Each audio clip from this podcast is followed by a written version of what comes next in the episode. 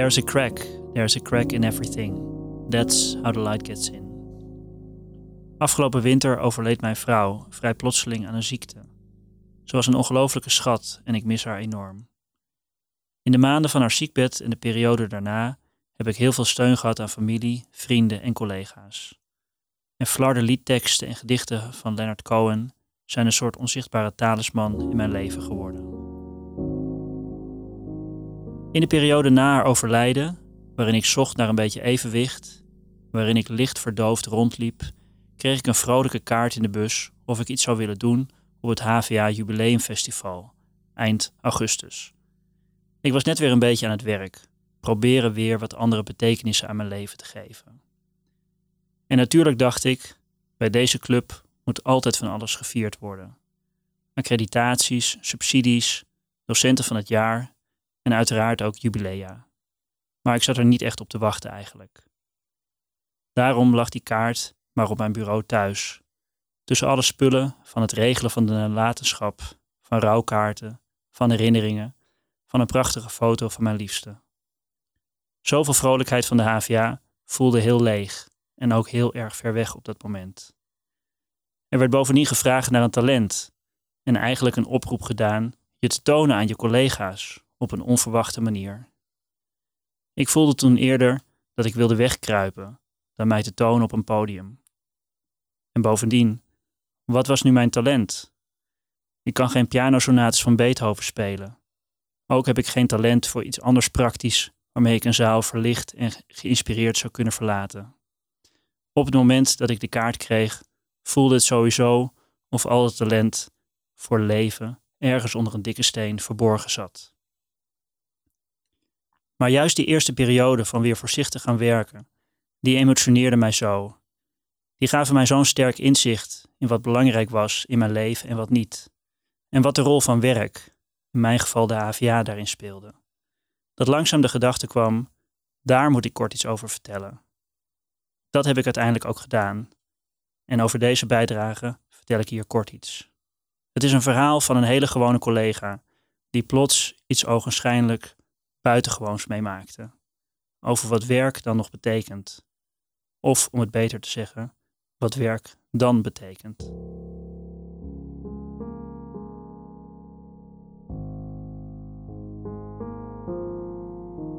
I know that I'm forgiven, but I don't know how I know. I don't trust my inner feelings. Inner feelings come and go.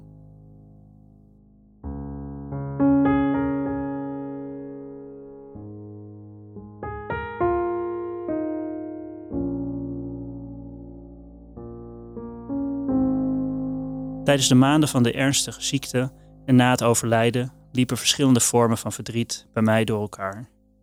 Verdriet over mijn liefste die er niet meer was, over wat de ziekte met haar leven zo plots en zo onterecht had gedaan. Over al haar mooie plannen en bijdragen die ze nog had, dat die opeens zo geblokkeerd, afgebroken werden.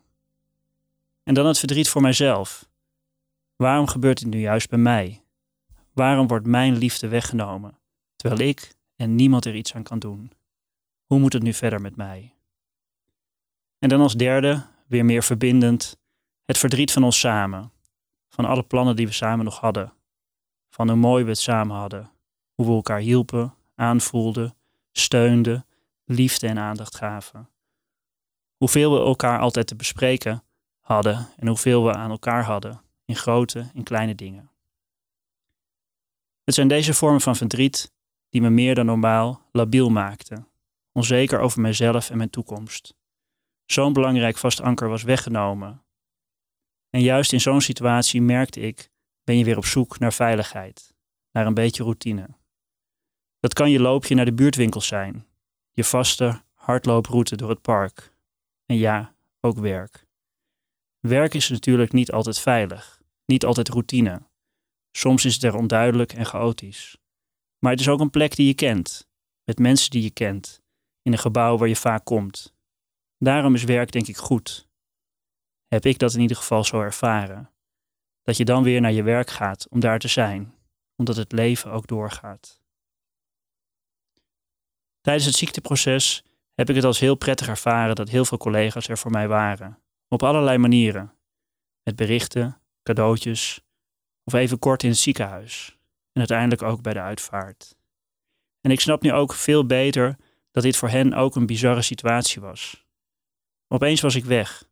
Opeens waren alle dagelijkse dingen, alle afspraken, alle ontspannen gesprekjes bij de koffiemachine anders. En zo bericht van een ziekte van een jong en gezond mens, zo midden in het leven, dat is confronterend en beangstigend voor iedereen, ook mensen wat verder weg. De Vlaamse hoogleraar verliesverwerking aan de KU Leuven, Manu Keijersen, zegt dat mensen die verlies en verdriet hebben, verschillende taken van rouwarbeid hebben. Hij heeft het bewust over arbeid en niet zozeer over fase van rouw, wat je vaak hoort. Want met arbeid bedoelt hij juist iets actiefs. Het zijn taken die je op kan pakken en taken waarbij anderen je ook kunnen helpen of voor de voeten kunnen lopen. Rouw is voor niemand hetzelfde. Hij spreekt over een vingerafdruk van verdriet. Het is herkenbaar, maar voor iedereen weer uniek.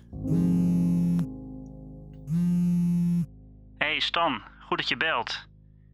Ja, ik wilde je eigenlijk al lang een keer bellen. Ik bedoel, ik had natuurlijk gezegd dat ik je zou bellen, maar ja, ik durfde dat niet echt. Ik bedoel, ja, hoe, hoe zeg je dat? Ik weet natuurlijk niet hoe het met je gaat en ik dacht, misschien wil je wel helemaal niet praten. Heb je helemaal geen zin daarin? Maar zo blij dat je zelf belt. Dan ja, dan is het in ieder geval goed om te praten. Ongemak is ook een vorm van liefde.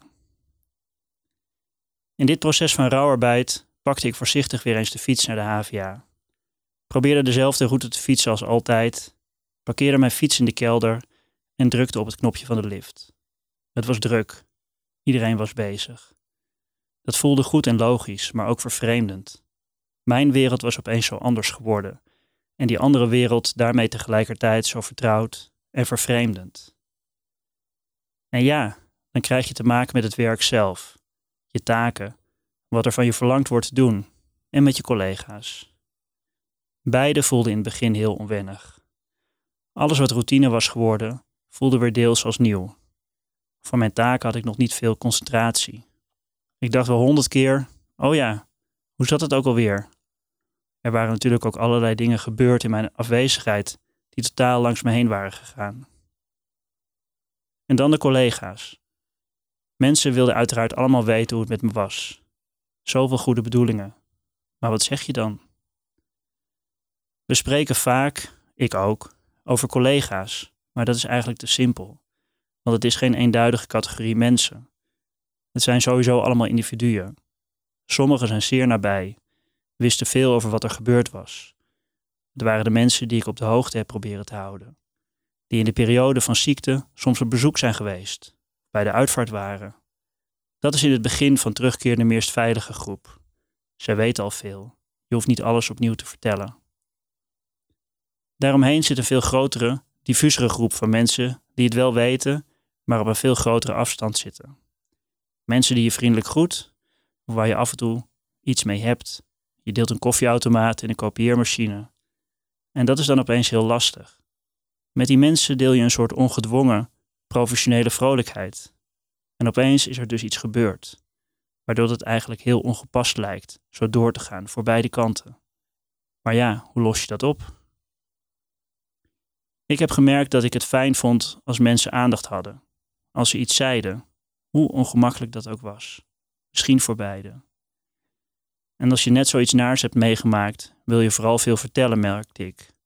Dus mensen die luisteren, waren fijn. Ik voelde me ook nog niet klaar om meteen alles te doen, want alles van het werk was vermoeiend. En rouwarbeid thuis kost ook werk. Emoties kosten bergen energie. Het voelde daarom fijn om het eerst klein te houden, met directe collega's.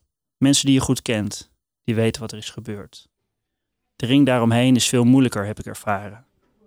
Vooral mensen die je professioneel spreekt van buiten je clubje of van buiten de HVA. Mensen die meestal helemaal niet doorhebben wat er is gebeurd.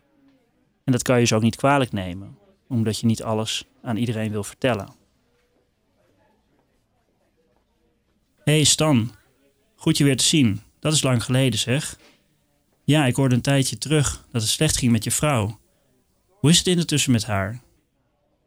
Ze is afgelopen winter overleden. Oh, jee, echt? Oh man, dat wist ik helemaal niet. Uh, ja, uh, gecondoleerd, uh, wat moet ik zeggen? Jee, ik had het misschien moeten weten, maar nee, ik wist het echt niet. Nee, dat begrijp ik. Maar jee, wat, wat erg, ik heb er geen woorden voor. Wederzijds ongemak schept een ongemakkelijke band.